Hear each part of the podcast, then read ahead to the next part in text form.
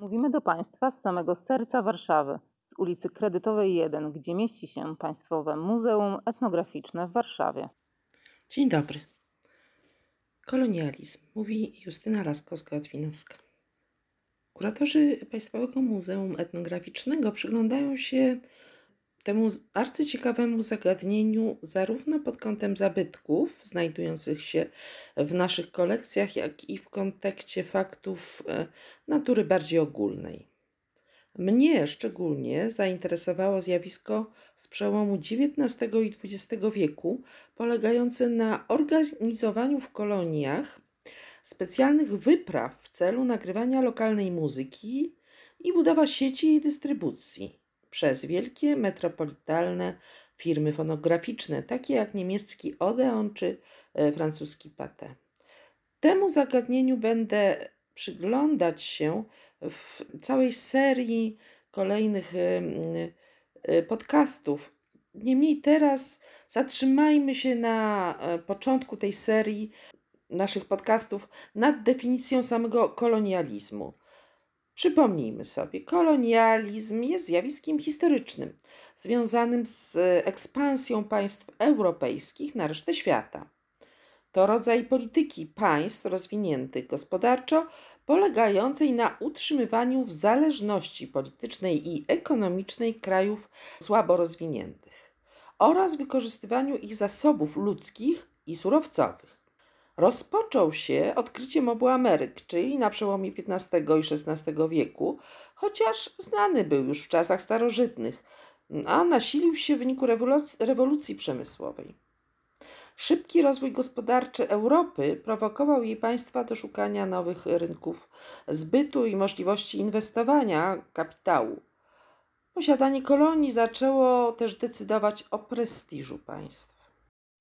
W dzisiejszym podcaście witam Państwa również Dariusz Skonieczko, afrykanista. Chciałbym podzielić się z Państwem pewną pożyteczną konsyderacją. Otóż kolonializm zawsze łączy się z przebyciem pewnego, często dość dużego dystansu, by znaleźć się na terenach kolonizowanych. Zazwyczaj droga ta jest skierowana do ludów o zupełnie innej kulturze i zawsze słabszych. Nie istnieje kolonizacja w wypadku państw sąsiadujących ze sobą. W takim bowiem wypadku możemy mówić tylko o wzajemnym przenikaniu się kultur i naturalnych interakcjach. Sytuacja taka trwa zazwyczaj przez wieki i sąsiedzi tworzą de facto wspólną kulturę i historię. Mówimy tutaj o zasadzie pewnej wzajemności, dlatego do definicji kolonializmu zawsze należy dodawać słowo dystans. Pierwszymi mocarstwami kolonialnymi były Hiszpania i Portugalia. W wyniku licznych wojen między mocarstwami kolonialnymi układ sił się zmienił. Hiszpania i Portugalia przestały się liczyć, a mm, ich miejsce zajęły Wielka Brytania, Francja i Holandia.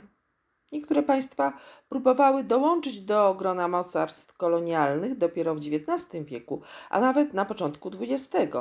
Były to Niemcy, Włochy, USA i Japonia. Również Polska po odzyskaniu niepodległości w 1918 roku mierzyła się z zamiarem założenia własnej kolonii na Madagaskarze. Mapy z początków XX wieku, gdy epoka największego rozkwitu kolonializmu zaczynała już swą erę schyłkową, pokazują rozległe terytoria Afryki, Azji i obu Ameryk, nadal prawie w całości podzielone i podporządkowane kilku zaledwie państwom europejskim.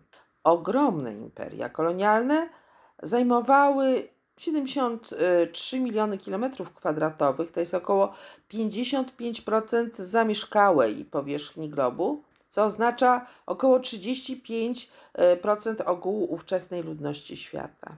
Największe posiadłości kolonialne miała w XIX wieku Wielka Brytania.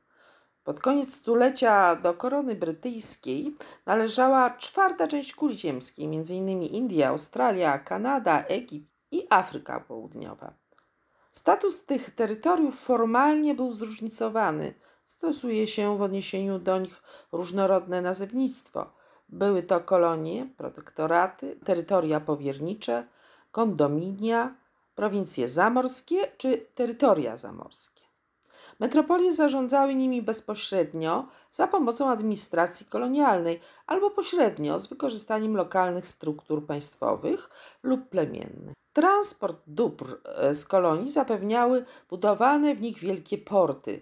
to czas dominacji dróg morskich. Wielkie porty będą bohaterami mojej serii na temat e, muzyki nagrywanej w koloniach. Proces e, dekolonizacji zaczął się już w pierwszej połowie XIX wieku w Ameryce, gdzie Brazylia i inne hiszpańskie kolonie w Ameryce Południowej i Środkowej ogłosiły niepodległość.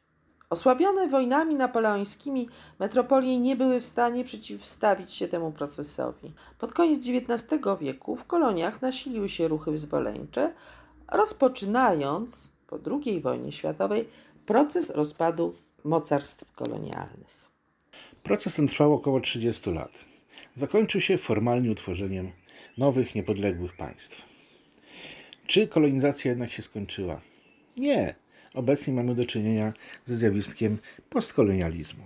Opiera się ono na absurdalnej tezie o posłannictwie cywilizacyjnym, a priori przyznającym wyższość militarną, technologiczną czy kulturową krajom byłych kolonizatorów. Opiera się na sieci powiązań pomiędzy państwami kolonizowanymi, byłymi kolonizatorami, globalnymi koncernami. Opiera się na rozmaitych zabiegach socjotechnicznych typu pedagogika wstydu, czyli powodowanie w dawnych państwach kolonialnych poczucia niższości, poczucia tego, że jednak ci kolonizatorzy byli lepsi, że za ich czasów jak było, tak było, ale jednak było. Dewaluje się tradycyjne wartości, kulturę, historię, stawia za przykład tak zwane centrum. Mówiąc krótko, wyzwolonym państwom nie pozwala się na to, żeby szły własną drogą. Jest to oczywiście spowodowane chęcią zysku, chęcią grabieży tego, tych dóbr materialnych, wartości ludzkich, które te państwa mogłyby sobie samodzielnie rozwijać i dawać sobie znakomicie radę. To wszystko wpływa na tworzenie się pewnych zagadnień natury kulturowej, natury e, związanych ze sztuką i o tym wszystkim w kolejnych podcastach będziemy chcieli Państwu opowiadać. Wysłuchali Państwo podcastu Państwowego Muzeum Etnograficznego w Warszawie.